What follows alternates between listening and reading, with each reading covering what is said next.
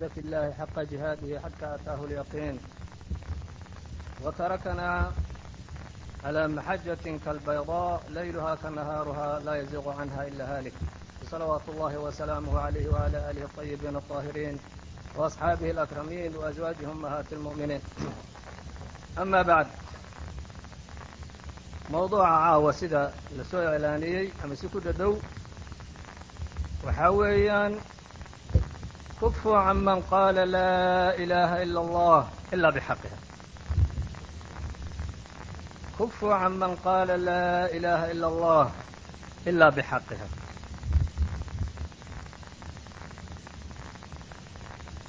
mawduucaas oo ku saabsan xukunka qof lagu xukumayo inuu muslim yahay iyo ka lagu xukumayo inuu gaal yahay oo miladii uu ka baxay. Mawduucaas oo asminadan tada dambe loo yaqaano atakfiir ahna mawduuca ugu horreeyey ee khilaaf xagga musli xagga caqiidada ku saabsana muslimiinta ka dhex dhacay. Uuna ku dhadhowaa la waqti ahaa khilaaf kale oo isna caqiidada ku saabsan oo ah alikhtilaaf fi اlqadar labadaas qodob ayaa ugu horreeyey khilaaf xagga caqiidada ah oo muslimiinta dhex mara midka hore waxaa kiciyey niman loo yaqaanay alkhawaarij xaruuriyana loo yaqaanay labada magac ba lahaa. Ashuraah magac kaleoo saddexaad bay lahaayeen. Saddexdaa magac ba lahaa nimankaasaa ugu horreeyey. Fii zamani caliy bni abi aalib radia allahu canhu ayay labaduba mas'alaba soo baxeen. Weliba dagaaladii xuruubtii sifiin marka ay socotay ayay labaduba soo baxeen labadaa mawduuc midkooda hore nimanka curiyey ee khawaarijta ahaa niman waxay ahayn sida runta ah muslimiin muttaqiin ah oo mukhlisiin ah. Laakiin oo aad iyo aadna u cibaado badnaa laakiin cilmi gaabnaa oo gaar ahaan xagga sunnada aqoontooda ay ku gaabnayd. Aad iyo aadna dhibaato badan dadka muslimiinta ugu geystay xuruub badan dadka muslimiinta la galay. Niman mintidaho soomajeesayaal ana ahaa oo geesiyaal ah laakiin geesiyaal geesinimadoodii iyo mintidnimadoodii iyo dagaalyahanimadoodii meeshii ku habboonayd meel aan ahayn ugu isticmaalay. Kolkii gaalada iyo jihaadka fidintiisii loogu isticmaali lahaa muslimiintii dib ugula soo noqday. Oo istinsaaf badan quwadii islaamka ee mutasaacidada ahayd ku sameeyey oo dima aad iyo aad u fara badan dadka muslimiinta ah dhexdooda ay ku daadatay jihaadkii muslimiinta ee la wadayna aad iyo aad u hakiyey. Muddo badanna dagaaladoodaas ay socdeen. Ila alaanana baqaaya. Caalamka islaamiga meelo qaarkoodna ku leh. Aaraa'doodiina dad badani ku ta'afureen mawduucaas oo zamanadan tada dambe saxwada islaamiyada ee mubaarakada ah la soo baxay oo qaar badan oo shabaabka islaamiga ah ka mid ah jidkii toosnaa ka leexiyey khilaafkiisi uu ka leexiyey dadka ugu horreeyey ee mawduucan soo cusboonaysiiyeyna ay ahaayeen dhallinyarada muslimiinta ah ee masar. Asbaabtoodii iyo duruuftoodana iska lahaa mawduucaas marka casrigeennan kada aan joogno alla mahaddiisa khilaafka ka socdaayo ma aanu gaadhin weli dagaal. Sidii khawaarijta iyo kayrkooda ay ahaan jireen. Laakiin dagaal afka ah qoraal iyo afka dhehid loogu isticmaalo ayaa aad iyo aada uga tahay. Bidcada khawaarijta ee ay soo saareen bidcadii ugu horraysay ahayd ee muslimiinta biduuni sanad ay ugu gaalnimo xukminayeen waxaa ka dhalatay bidco kale oo ka raddi ficil ah laakiin bidco bidca lagaga hortegay ahayd ama sida casrigan loo yaqaano tataruf tataruf lagaga hortegay ahayd. Bidcadaasuna waxay ahayd bidcat almurji'a almurji'a oo iyaga manhajkooda uu ahaa in qofku kolba hadduu ashahaato wax kasta ou sameeyo. Wax kasta oo sameeyo oo macsiyo ah ama kufri ama shirki ah aan waxba yeelaynin. Oo iimaanka oo dhaniba uu yahay qowlu laa ilaaha illa allah marka labadaa qolo waxay kala joogsadeen calaa طarafay naqiid ahlusunna waاljamaaca iyagu manhaj muxadad ah oo u go'an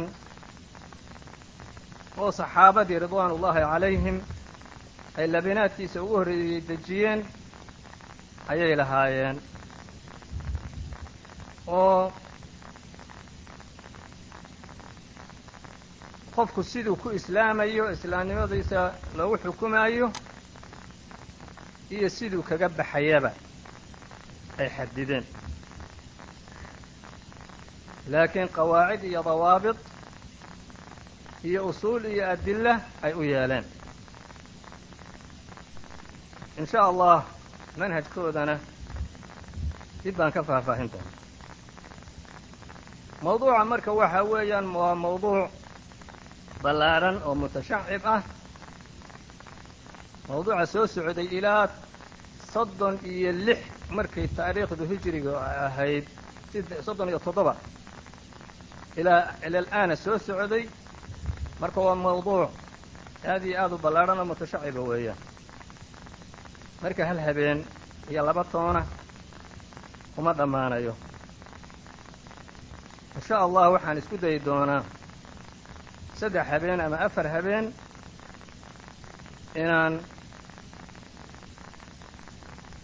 intiisa muhimka ah aan ku sheego. Dariiqada aan ku socon doonaana in sha allah waxaa weeyaan inaanan qolana aanan ku tacdiyin oo tajani aanan ku samaynin oo aan ka fogaado shataa'im iyo eedayn bilaash ah iyo muxuu ahaayey muhaataraad iyo waxyaalaha lagu isticmaalo usluubkaas oo aad iyo aad aan u necba insha allah waa ka fogaan doona sida xaqa ay ila tahay ee طariiqaة الsalaf الصaalix min الصaxaabة faman bacdahum wa a'immati ahli اlxaqi min almuslimiin tooda inaan ku socdo in wixii aan sheegayo adilla min alkitaab waالsunna wa aqwaali الsalaf aan cuskiyo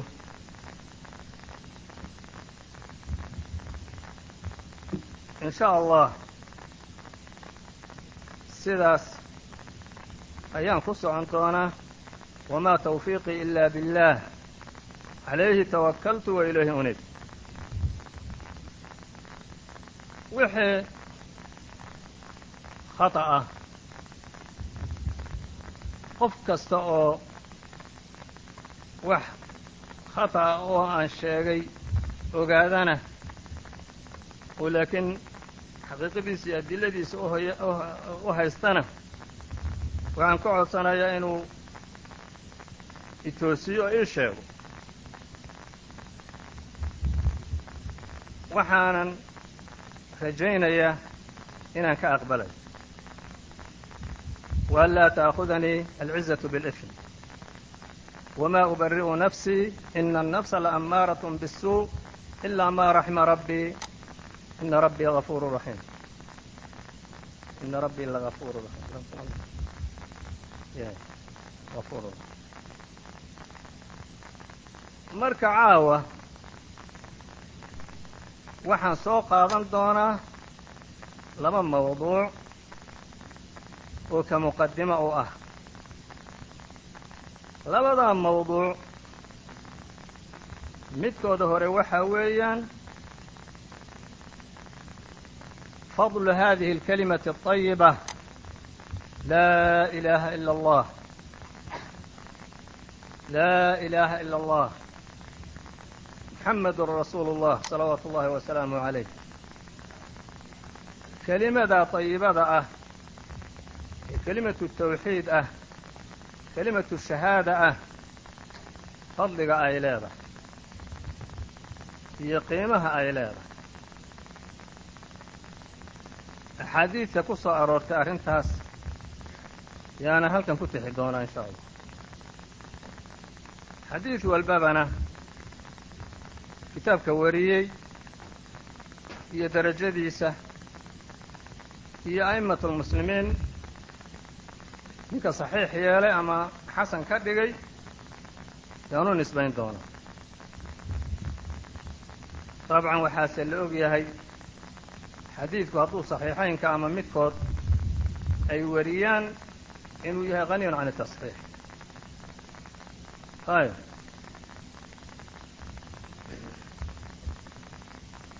xadiidka ugu horreeya waxaa weeyaan xadiid anas ibni malik radia allahu canhu uu warinayo. Xadiidka qaarkeed waa dhaadheer yihiin marka inta khulaasadooda ah un baan soo qaadanaya naskooda haddii aanan aqri aan isku dayo way waktigaa dheeraanaya waktiga lama ekaanayo marka xadiidkan khulaasadiisu waxay tahay in rasuulka calayhi salaatu wasalaam isagoo anas ee muxuu ahay mucaad ibnu jabal radia allahu canhu uu gaadiid la fuushan yahay radiif uu u yahay. Uu nebigu sala allahu alayhi waali wasalam mucaad ibnu jabal dhowr goor u dhawaaqay. Yaa mucaad markaasuu mucaadina dhahayey labbayka yaa rasuula allahi wa saddex goor markuu sidaa ku celceliyey ayuu wuxuu yidhi ma min cabdi yashhadu an laa ilaha ila allah وana muxamada cabduh warasuuluh صidqa min qalbih إila xaramahu allah عalى الnar ma min cabdi yashhadu an laa ilaha ila allah وana muxamada cabduh warasuuluh صidqa min qalbih صidqa min qalbih sidqan min qalbihidaasaan ku celcelinaya si aan manhajka uga fogaado murji'ada. Ilaa xaramahu allahu cala annaar. Macnihiisuna waxaa weeyaan ma jiro addoon oo laa ilaaha illa qira. Allaa u qira waxdaaniye u qira. Rasuulkana calayhi salaatu wasalaam risaale u qira. Oo ashhadu an laa ilaaha illa allahu wa anna cabduhu warasuuluhu yidhaaha maalan laakiin arrintaasuna ay ka ka dhab tahay oo qalbigiisa waxa uu carabka ka leeyahay uu waafaqsan yaho munaafiqnimo ayna ahayn naarta alla waa ka xarimaa markaasuu mucaad yidhi yaa rasuula allah dadka miyaanan u sheegaynin ha ku bishaaraysteen oo ha ku farxeen. Markaasuu yidhi nebigu sala allahu alayh waali wasalam laa tukhbirhum fayattakiw ha u sheegin yayna isku hadlayninoo camalka ayna dhaafine oo in stiin kolba haddii shahaadateynka keliya lagu gelaayo mxua maxaa camalu ku falaynaa dariiqada murji'adu nebigu ah calayhi salaatu wasalaam wuu ka sii digtoonaanayay. Qaala anas radia allahu canhu faأkbara biha mucaadun cinda mowtihi ta'ahuma mucaad radia allahu canhu markuu geeriyoonayey ayuu xadiidkan kada wariyey isaga oo dembi ka cararaya oo cilmi uu ka maqlay rasuulka sala allahu alayhi waalihi wasalam oo aanu ummadda gaadhsiinin inuu la dhinto. Dembigeeda isagoo ka baqayo kitmaanulcilmi ka baqaaya ayuu warkuu sii geeriyoonayay sheegay.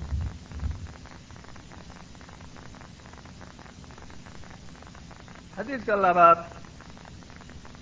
waa xadiiu xadiidkan waa muttafaq alayh muttafaq calayh xadiidka labaadna waxaa weeyaan xadiiduu warinaya cubaadat bnu saamit radia allahu canh oo uu leeyahay inuu rasuulka calayhi الsalaatu wasalaam ka maqlay man shahida an laa ilaha ila اllah وana muxamada rasuulu اllah xaramahu allahu calى الnaar rawahu muslim waa xadiidkii hore uunoo kale laakiin sidqa min qalbihi baanu ku qaydin laakiin waa lagama maarmaan. U taalla isagana xadiidka saddexaad waxaa can abi hurayrata radia allahu canhu. Xadiid dheer oo qaswatu tabuk qiso dhacday ku saabsanayd weeyaan khulaasadiisuna ay ahayd in qaswatu tabuuk markii lagu jiray sahaydii dadka muslimiinta ay ka gabaabsiday marka ay u yimaadeen rasuulka calayhi salaatu wasalaam iyagoo ugaydan dalbaaya geelooda inay qalqashaan. Oo hilibkiisana cunaan xaydhiisana ku subkadaan maqaradoodana kaba ka dhigtaan. Waa u idinay nebigu sala allahu alayh waali wasalam markaas cumar ayaa yimid. Cumar baa marka kala soo jeediyey oo ahayd yaa rasuula allah haddii ay geelooda qalqashaan gaadiidkaa yaraanaya dhexday ku bakbaktiyayaan oon iyo gaajo iyo ugu baktiyayaan geelay ku jidmari lahaayeen hadday qashaan. Ee laakiin waxaad yeeshaa sahayahooda wixii ka hadhay isu soo ururiya dhahoo ku duce. Waxaa suurooda alle inuu arrintaa baraka geliyey fa qaala rasuulu llahi sala allahu alayh waali slam nacam. Rasuulkana waxaa lagu yaqaana alayhi afdal asalaatu wasalaam inuu talada wanaagsan qaadan jiray qofkii ibtidaa'an ugu soo qadimana waa ka qaadan jiray saxaabadiisana marka waa la tashan jiray. Arrintii buu qaatay markaasuu nebiga sala allahu alayh waali wasalam uu yidhi maqaar ha la keeno. Maqaarkii baa la fidiyey. Markaasuu yidhi sahayaha ha la soo ur ururiyo ninba wuxuu hayey buu keenay. Nin sacab timira keena mid mid sacab dura'a keena mid jab rootiya keena ninba wuxuu hayey yaa la isu keen keenay wax yar ayaa marka maqaarkii lagu soo ururiyey. Markaasuu nebigu sala allahu alayh waali wasalam ku duceeyey. Kolkaana marka uu dadkii in loogu dhawaaqo inay weelashooda ku gurtaan ayuu amray nebigu sala allahu alayh waali wasalam weelashoodii bay ku gurteen jeyshkii weel keliya oo madhan ma aynay ka tegin weelashii oo dhan bay ka buuxsadeen iyagiina waa cuneenoo waa ka dherdhergeen markaasaa waxoogaa yarina meeshii haddana ku soo haro ayna dhammaanin. Mucjizaadkiisii bay ka mid tahay ku saabsanayd tacaamka iyo sharaabka barakayntiisa. Oo aadna aad iyo aadna u fara badan tahay amhiladeeda waa mid ka mida marka. Kolkuu arkay nebigu sala allahu alayh waali wasalam ducadiisii siduu alle u ajiibay iyo mucjizadaas weyne alle uu siiyey ayuu wuxuu yidhi ashhadu an laa ilaaha ila allah wa annii rasuulu اllah laa yalqa allaha bihima cabdun gayra shaak fayuxjaba can اljanna isagaa horta naftiisa ka bilaabay oo shahaadadii qiray shahaadateynkii markaasuu haddana xukunkan caamka ah sheegay uu yidhi labadii xadiidii hore la macno ah weliba xadiidkii anas aad iyo aada u waafaqsan ayuu sheegay uu yidhi ma jiro addoon labadan shahaadatayn kula kulma alla qiyaamaha isagoo qiraya kula kulma oo shakina aanu kaga jirin oo nifaaq uun qalbigiisa ku jirin oo markaa jannadana laga hor joogsado ma jirayso. Xadiidka afraad waa xadii xadiidkana muslim baa wariyay xadiidka afraadna waxa weeye xadiidu citbaan ibni malik radia allahu canh xadiidkaasu isna qiso dheer buu lahay qisadiisuna waxay ahayd ninka citbaan ibni malik la yidhaaho. Xaafad madiine ka mid ah oo banu saalim. La dhihi jiray iyuu imaam ka ahaa. Nin waayeelaho aad iyo aadna u lafweynna waa ahaayoo culus. Waana indhadarreeyey markaasuu nebiga sala allahu alayh waalihi wasalam iyo wuxuu u sheegtay inuu dhibaato ku qabo masjidka tulki banu saalim. Tagitaanka uu tegaayo habeenada gudcurka iyo roobabka iyo togag isaga iyo masjidka u dhexeeya kolkay soo rogmadaan gudbitaankiisii inuu ku dhib tahay oo marka uu u baahanayo habeenada qaarkood inuu gurigiisa ku tukado. Markaasna nebiga sala allahu alayh waali wasalam buu ka dalbaday inuu gurigiisa ugu yimaado oo meel uu uga tukado uu masjid ka dhigto oo habeenadii aanu imaan karaynin uu ku tukado rasuulka calayhi salaatu wasalaam wuxuu ku yidhi afcal in sha allah. Marka waqti barqa ah ayuu rasuulka sala allahu alayh waali wasalam iyo qaar saxaabadii ka mid ahoo la socdaayo ay u yimaadeen citbaan ibni malik radia allahu canhu gurigiisii gurigii markuu soo galayba citbaan buu wuxuu ku yidhi halkeed jecesha inaan kuugu tukado? Meel buu markaa farta ku fiiqay meeshii buu ugu tukaday. Dadkiina guriga joogayna ay la safteen oo uu tujiyey laba ragcadood. Waqti barqa ah duxa ah. Dadkii xaafadda markay maqleen rasuulka calayhi salaatu wasalaam inuu gurigaa joogo ayay salaam ugu yimaadeen. Citbaanna radia allahu canhu nebiga sala allau alيyh wasalam ayuu celiyo wuxuu u celiyey cunto loo samaynayey intay cuntadooda ka bislaanayso. Meeshii baa la yar sheekaystay marka nin raggii ka mida baa wuxuu yidhi away ninkii la dhihi jiray malik ibni dukshun ninkaa ma arkaayo ima muuqdee awe markaasuu nin kale yidhi kaasu waa munaafiqo alliya rasuulkiisa ma jecla. Markaasaad ka filaysa inuu u yimaado rasuulka alayh isalaatu wasalaam munaafiq weeye alliya rasuulkiisa aan jeclayn. Markaasuu rasuulku yidhi sala allahu alayh waalihi wasalam laa taqul haakada. Hadhihin sidaas. Haadaa kaasoo kale waxaa lagu magacaabaa addifaac can cirdi lmuslim qof muslim ah. Si xun loo hadalhayo qofka maqla ee ka difaaca ka celiya isagana alla subxaanahu wa tacaala.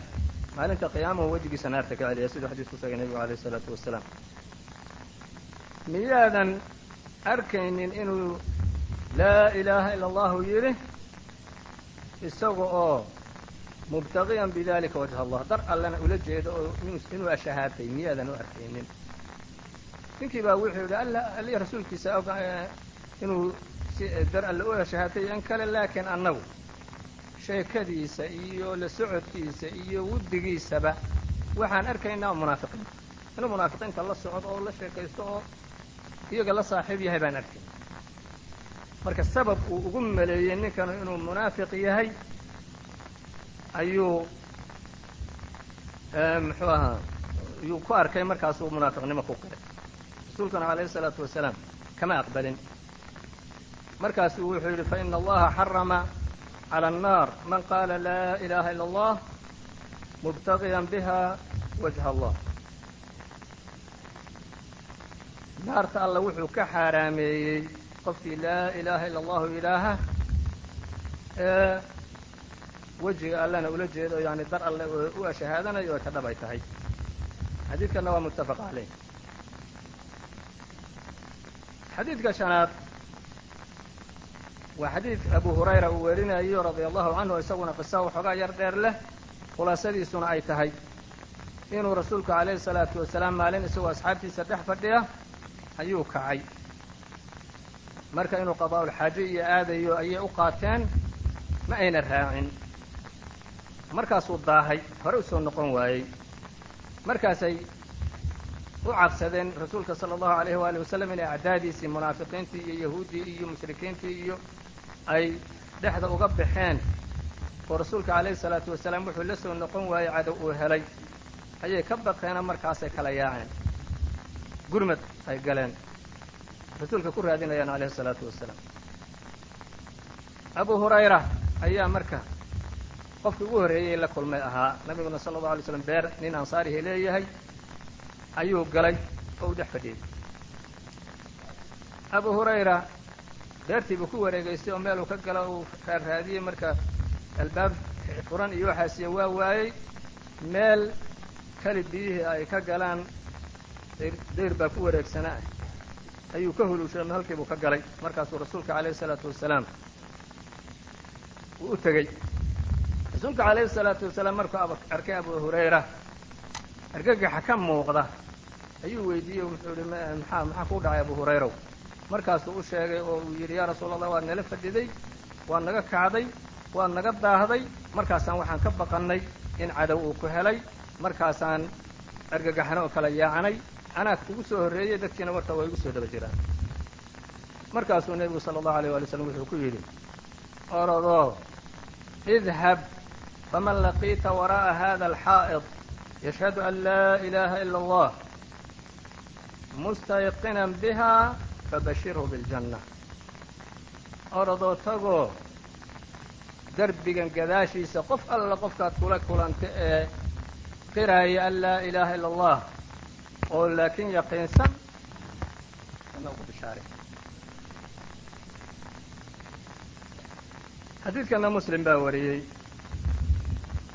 xadiidka lixaad can abi hurayrata radia allahu canhu أن رسول الله صلى الله عليه وآله وسلم قال الإيمان بضع وسبعون أو بضع وستون شعبة فأفضلها قول لا إله إلا الله وأدناها إماطة الأذى عن الطريق والحياء شعبة من الإيمان ومتفق عليه سبب iimaanka aqsaamtiisa marku uu sheegay dhowr iyo toddobaatan ama dhowr iyo lixdan inay shucab uliimaan loo yaqaano oo ragga a'immada qaarkood ay kutub ka alifeen uu uguna wen yahay kitaabu lbayhaqi ee shucab uliimaan loo yaqaano uuna uga horreeyey ibnu xibbaan iyo muxuu ahay alxaliimi abu cabdillahi alxaliimi mid waliba kitaab shucab uliimaan la yidhaaho uu alifay shucabtaa markuu sheegay bu wuxuu sheegay shucabta iimaanku ka kooban yahay laamaha iimaanka inay ugu fadli badan tahay laa ilaaha illa allah laa ilaaha illa allah marka xagga iimaanka laamihiisa waxay ka joogtaa bimansilati الra's min aljasad waa mutafaq calayh xadiidka toddobaad waxa weeyaan xadiidu abi saciidin alkhudri radia allahu canhu isaguna sida kale ah man qaala laa ilaha ila allahu mukhlisa dakhala aljanna rawahu albazaar wagayruh ayaa wariyey waana xadiid xasan ah xasanahu ashaykhu alalbani fi saxiixi aljaamic الصaغيir xadiidka sideedaad can abi hurayrata radia allahu canhu أن رsuuل الlahi صلى الله عليه وaلي وسلم qاal man qاla lا إلaha إلا الله nafacahu yowma min dahrih yusiibuhu qabla dalika maa asaabah xadiidii hore naar ma gelayo iyo janno lagama horjoogsanayo iyo janna u waajibaysa iyo baan ku soo arkay xadiidkan kaduna wuxuu sheegayaa in mar ay noqotaba mar ay noqotaba laa ilaha illa allahu qofka yidhaahaayo laakiin sidqa min qalbi shardigaasaan kolle laga tegaynin inay mar unanfici doonto wax kastaaba marka inta hore ha ku dhaco. Xataa kolka hore naar ha galo naarta inaanu ku waarayn axaadiid kale oo la macno a baa imaan doonto oo naarta in laga soo bixin doono qofkii laa ilaha illa allah marka axaadiidtu labadaa noocba waa jiraan dad laa ilaaha illa allah ku gelaya jannada ku gelaya iyagoo naar. Aan arkin iyo dad laa ilaha illa allahu naarta lagaga soo bixin. Intuba waa jiraan. Aan camal kalena lahayn camal kale aan lahayn midkoodna xadiid aada sariixa oo abaa soo socota.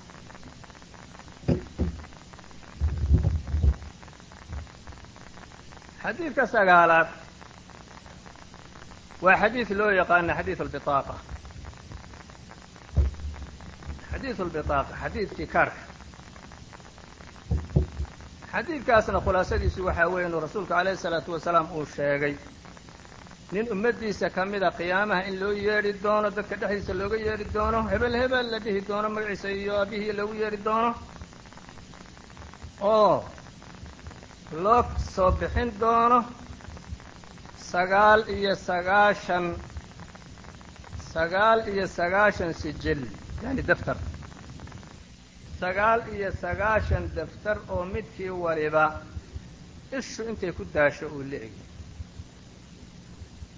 ru'yada caadiyada ah meeqaa lagu xadidaa aragtida caadiga toban kilomitr soo saa maa qofka caadigiihi marka ayna daruur iyo ayna jirin boodh iyo muxuu ahaaye dhadi iyo waxba toona aanu jirin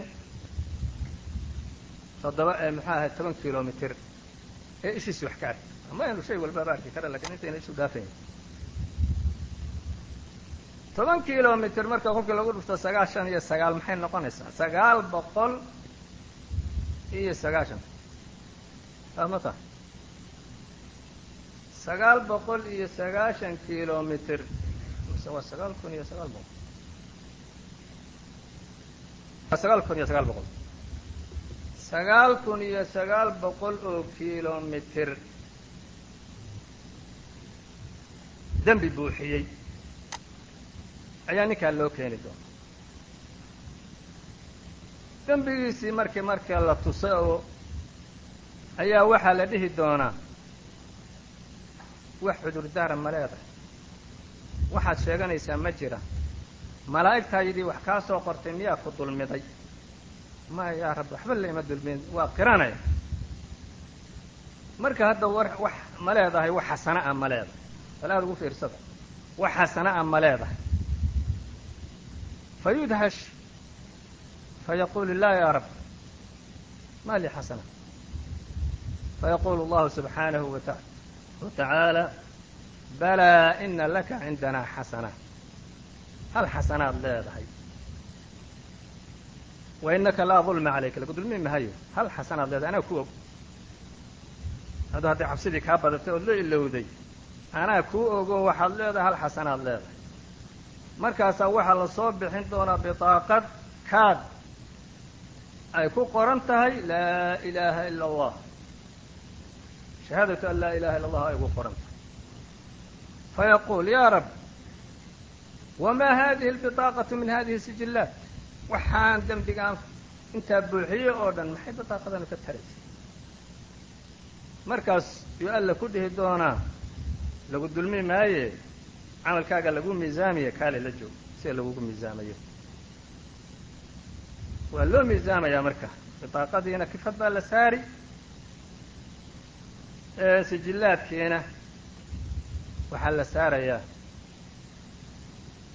Kifad kale la saaraya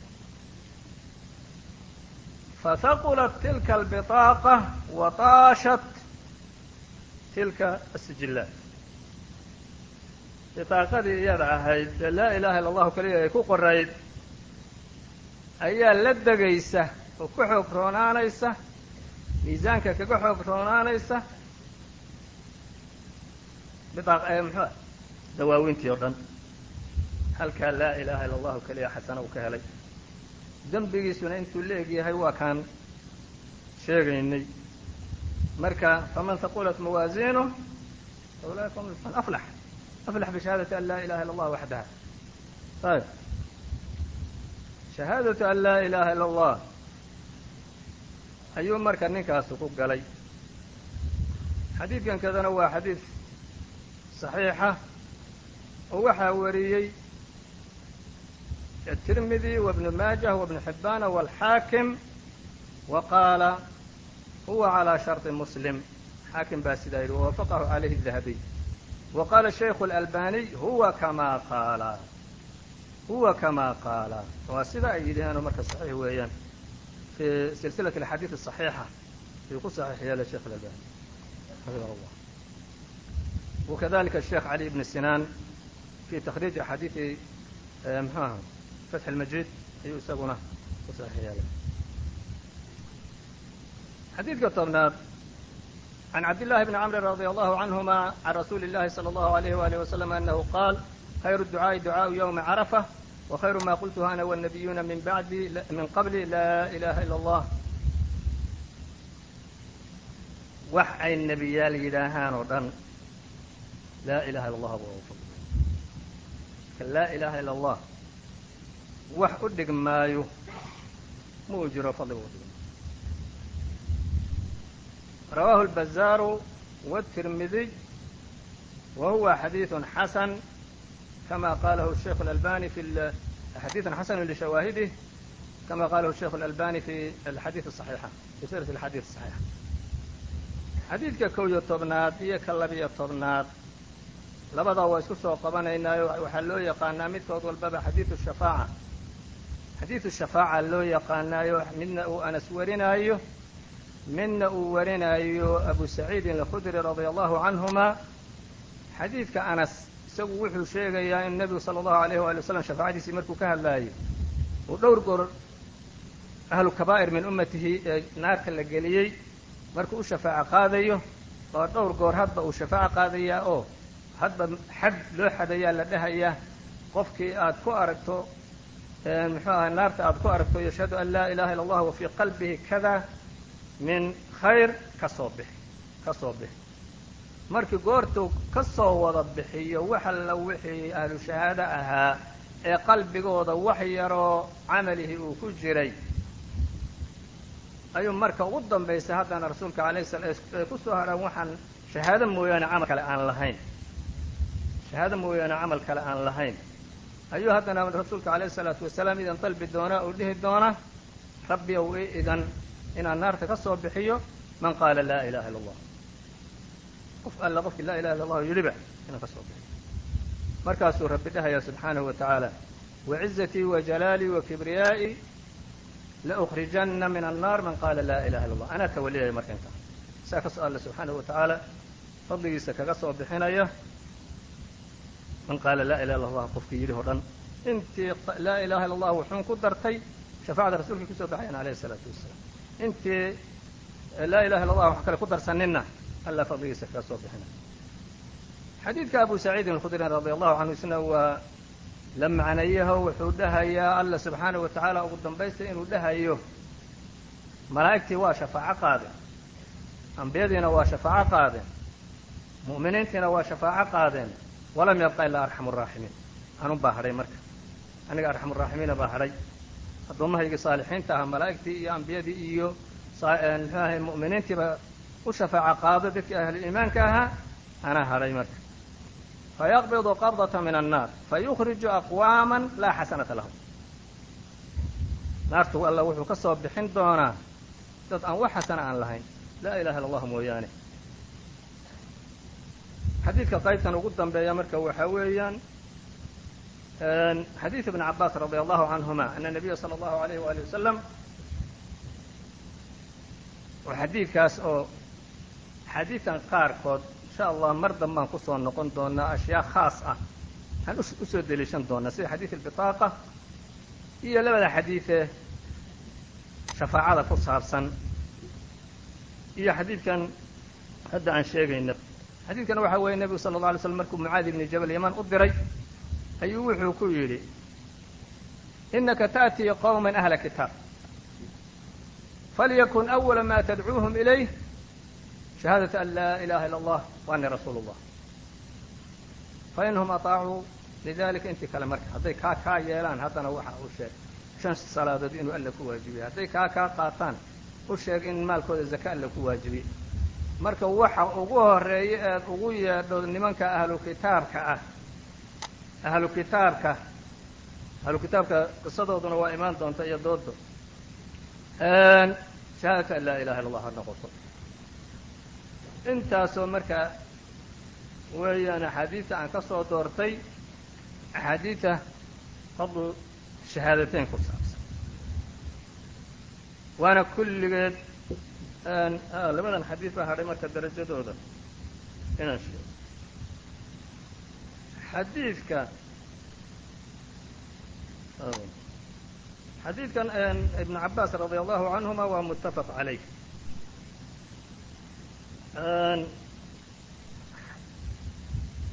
Ka anas isaguna waa muttafaq caleyh ee shafaacada ku saabsan. Kan abu saciidna muslim iyo axmed baa wariyey. Muslim iyo axmed ma kulligood marka waa xadiidkaas oo dhan hal hal baa xasan ka ahaa kulligood intooda kalena wada saxiix bay ahay marka laa ilaaha ila allahu oo keliya inay dadka qaarkood janno ku gelayaan dadna naarta lagaga soo bixinayo bay axaadiidantadu sariix ku tahay. Sidaana macnaheedu ma aha siday murji'adu ay yidhaaheenoo inaan camalka loo baahnay camalka waa loo baahan yahay waa juz iimaanka ka mid ajsaadiisa ka mida weeyaan laakiin waxaase dhici doona dad camal la'aan shahaadateynka mooyaane iyagoon wax kale lahayn maha dadkao dhan baa ku geli doona ma. Dadka alla doono. Baa shahaadateynka oo keliya jannada ibtida'an ugu geli doona ama naarta lagaga soo bixin doono ayb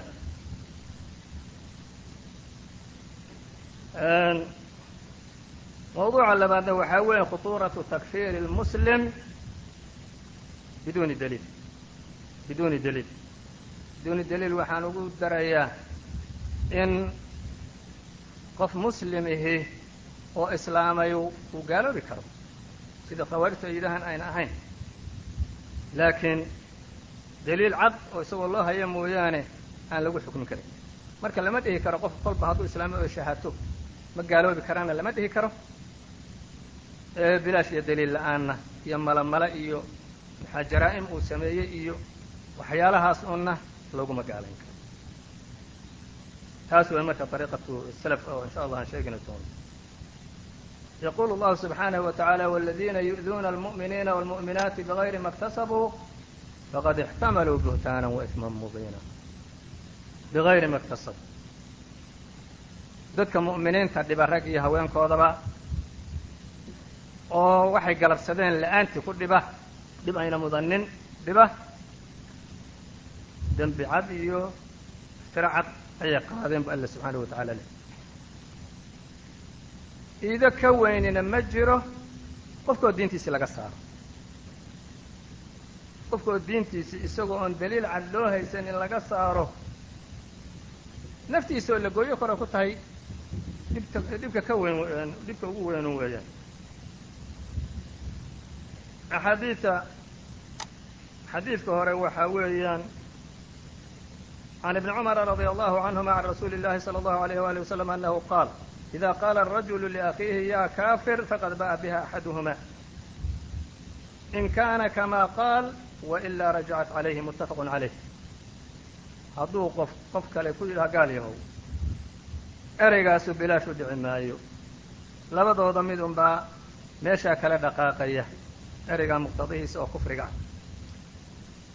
kan uu kaafir ku leeyahay hadduu kaafir yahay isagu waa ka nabadgalay ilaa xaq buu kolkaa sheegay.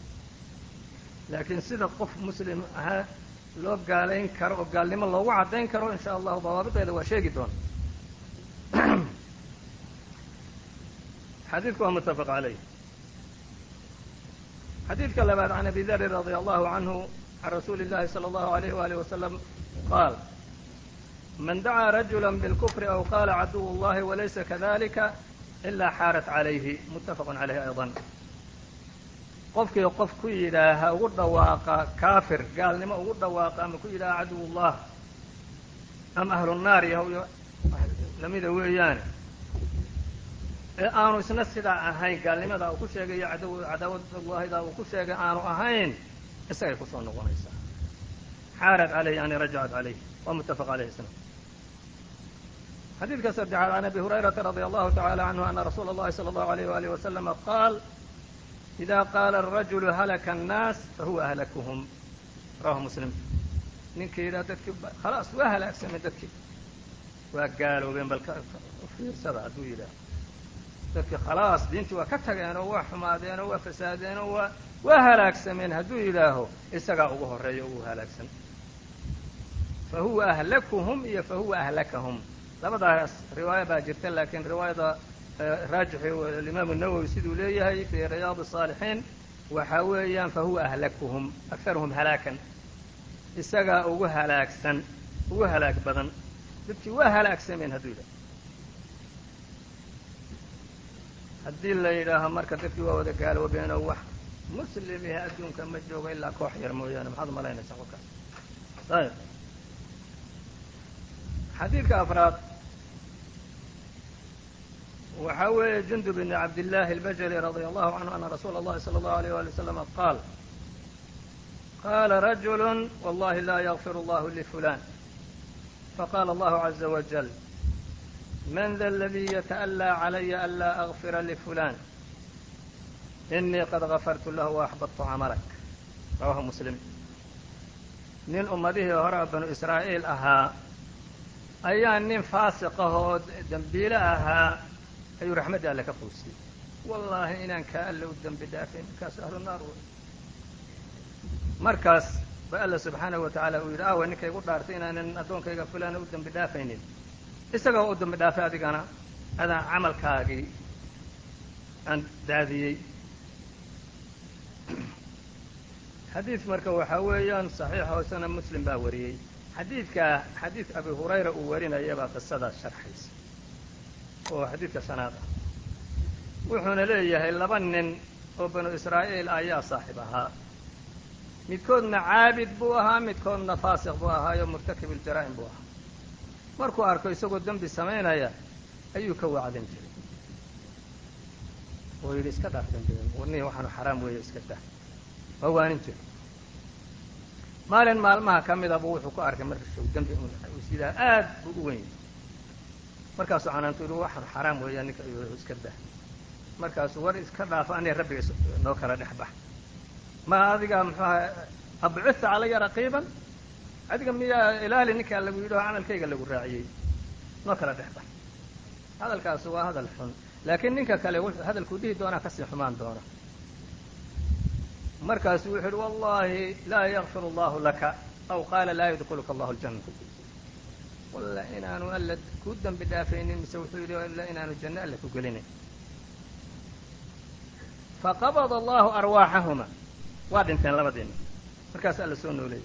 Alla hortiisa alla keenay markaasuu ninkii ku yidhi ninkan kada ka quusiyey axmed alle ka quusiyey buu ku yidhi war ma adiga ogaa waxaan addoonkayga ku samaynayo mise aniga waxa gacantayda ku jira adigu awoodu leedahay oo iga celin kartaa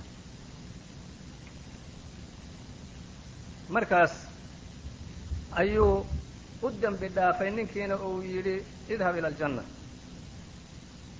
Kii kalena wuu yidhi idhabuu bihi ila annaar. Naarta alla geliyey. Qofka ka quusta raxmadda alla waa qur'aanka alla wuxuu ku sheegay inuu khaasir yahay. Waman yaqnatu min raxmati rabbihi ila adaalluun marka qofkii ka quusiya addoommaha alla raxmaddiisa ka quusiyana isna waa sidoo kale haalik qaala abu hurayrata radia allahu canhu kolkuu abu hurayra markuu xadiidkaa wariyey buu wuxuu yidhi waladii nafsii biyadihi laqad qaala kalimatan awbaqat dunyaahu wa aakhiratahu. Erey wuxuu yidhi aakhiradiisii adduunkiisiba seejiso halaajisay nin weligii caabid ahaan jiro weliga xaraam aan samaynin oo ereygaa keliya. Ninkiina alle ugu dambi dhaafay isagiina ku halaagsama ahlu naar ku noqday.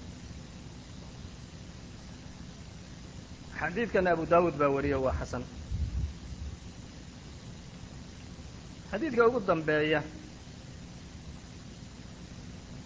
can cabd llaahi بن camrin رضي الله canhuma qaala qaala rasuulu llahi salى اllahu عليه walih waslm almuslimu man salima almuslimuuna min lisaanihi wa yadih wlmuhaajiru man hajara ma naha allahu canhu xadiidkaa waa muttafaq aleyh waa saxiix isago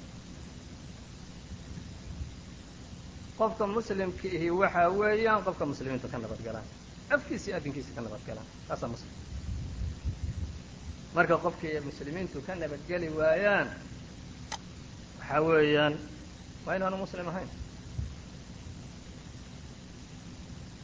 marka aayaddaas iyo inta axaadiida iyo axaadiid kaleo fara badanuba waxay tusinaysaa khatarta ay leedahay. Qof muslimahoo sabab la'aan sabab xaqiiqi ma aha shubha iyo dani iyo ma aha diinta looga saaro. Khatarta ay leedahay. Haddii yaqiin cad loo haya mooyaan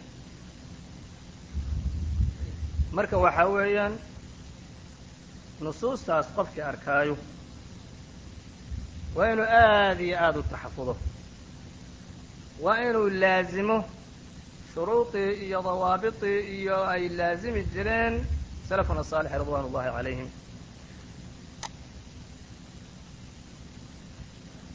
Waa inuu laazimaa oo wax cad insha allah waxaanan arki doonnaa cinda salafi saalix qofka gaal ahaan jiray islaamiyku xukunkiisa. Islaamiyada uu soo muslim buu noqday ay dhahayeen iyo qof muslim ahaan jiray. Diintii waa ka baxo waa gaaloobayda ay dhihi jireen. Inay ka fududayd islaamnimo ku xukum nin gaalnimo lagu ogaa islaamnimo lagu xukumo isaga waa la fududaa agtooda. Daahirka ayay ka qabsan jireen. Laakiin qof muslimahoo gaalnimo lagu xukmiyo daahiran wa baatinan inay yaqiin u ogaadaan mooyaane ma ayna ku dhici jirin ma ayna ku dhici jirin arrinta marka in allah mawduuc waa inoo sii socon doonaa caawana intaasaan ku daysan doonaa qof waliba marka waa inuu isjiro oo iska ilaaliyo dadka muslimiinta ah dadka muslimiinta ah ahlu iimaanka ahlu qiblaha dadka ahlu qiblaha ah inuu diinta ka saaro isagoo daliil haysto waxaan ka soo hadalnay mawduuceennii hore axaadiidta ka hadlaysay qiimaha weyn ay leedahay kalimatu tawxiid shahaadatu an laa ilaha ila allah wa ana muxamada rasuulu اllah qiimaha ay leedahay axaadiid ku saabsan ayaynu ka soo hadalnay iyo axaadiidtii kale ka digaysay qof muslim ah biduuni daliil in lagu gaalnimo xukmiyo axaadiidta iyada ah intii aan soo sheegnay laba arrimood baan rabaa inaan ku kordhiyo mid waxa weeyaan cunwaanka uu axaadiidta u doortay alimaamu الnawowi radia allahu canhu fi sharxihi calى صaxiixi muslim liannahu alimaam muslim ibn alxajaaj radia allahu canhu sida la ogyahay isagu taraajim iyo canaawiin uma samaynin kitaabkiisa. Alimaamu nawowi isagaa u sameeyey marka canaawinta. Marka cinwaankuu doortayna wuxuu ahaa baabu daliili calaa ana man maata cala atawxiid dakhala aljannata qaطca baabu daliil calaa ana man maata cala atawxiid dakhala aljannata qaطca arrinta kalena waxa weeyaan xadiid aad iyo aad isaguna qiimo weyn u leh. Oo rasuulkeennu calayhi salaatu wasalaam uu ka soo wariyey rasuul kale ka horreeyey. Rasuulkaasuna waxaa weeyaan awal rusul nuuxun calayhi salaam. Wuxuu sheegay rasuulka calayhi salaatu wasalaam nuux markuu geeriyoonayey ayuu wiilkiisii la dardaarmay. Saddex walxood buu kula dardaarmay. Saddexdaa walxoodood waxaa ka mid ahaa inuu ku yidhi uusiika bilaa ilaaha ila allah. Waxaan kugula dardaarmayaa laa ilaaha ila allah. Waa nebi waalid ah oo sakaraadaya oo wiilkiisii u naseexaynaya.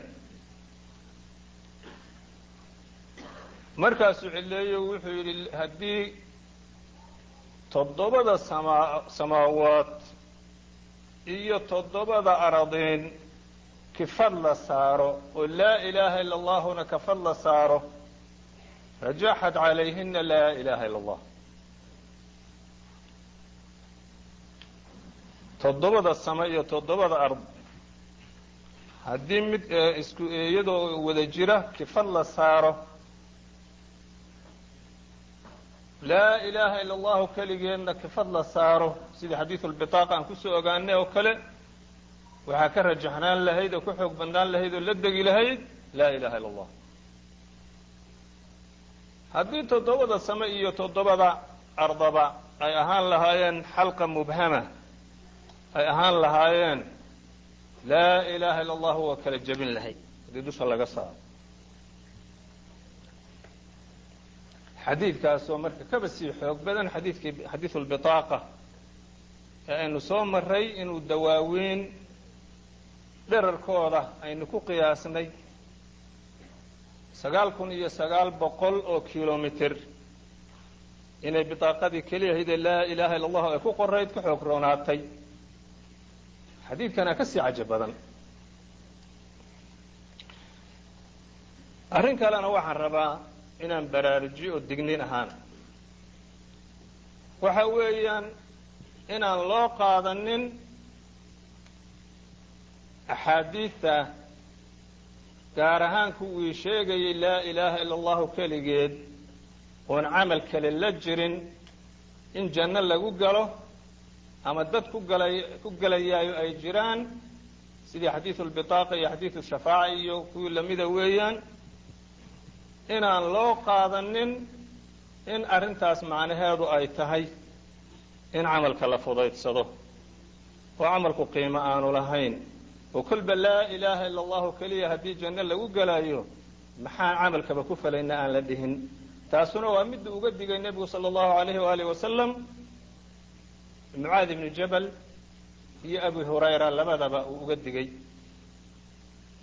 Si ayna dadku ayna isku hadlaynin oo ayna laa ilaaha illa allahu keliyaan janno ku gelayna ayna dhihin oo camalka ayayna ka tegin ha u sheegin. Marka innagoo hadda waa sheegayna laakiin waxaan raacinaynaa digniintaasaan raacinayna midda kale weli waxay tahay oo digniinta kale iyaduna ah in qof alla qofkii laa ilaaha illa allahu yidhaaho oo ku dhinto oo camal kale aan lahayniba uu janno ku galaayo waa inaan loo qaado. Ee ay jirto in badan oo cusaatulmuslimiin ka mid ihi inay naarta gelayaan marka dad ahlu tawxiid ah oo laa ilaaha illa allahu dadkeeda ah naar waa gelayaan waa hubaal laakiin kuma waarayaan. Kuma waarayaan. Taasna waa kaynu axaadiidka qaarkeed labadii xadiidka shafaacada iyo xadiidka abi hurayre ee kaleba aynu ku soo maray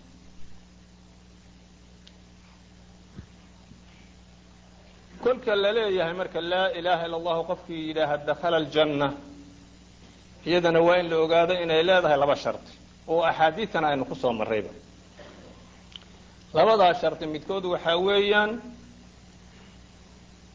inuu qalbigiisana iimaan ku jiro. Sidii axaadiidta qaarkeed ku soo marray sidqan min qalbih mustayqinan biha hayra shaakin iyagoo sidaas qaydadkaa ku xidhaya kaasu marka waa lagaba maarma oo marka sidaasna macnaheedu waxa weeya dad laa ilaha illa allahuna yidhaaha munaafiqiin abaana yaana jira. Marka kuwaasu kuma jira. Shardiga kalena waxaa weeye inuu ku dhinto oo aanu ka kala gu-in laa ilaha illa allahudaasu ay u daa'imto oo uu ku dhinto.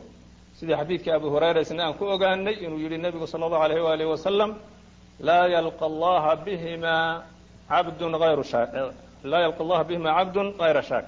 Labadiiba isku daray marka xadiidka. Intaasu marka waxa weeyaan waa in muqadimo ahaan ah. Mawduuca hadda cusubina marka waxaa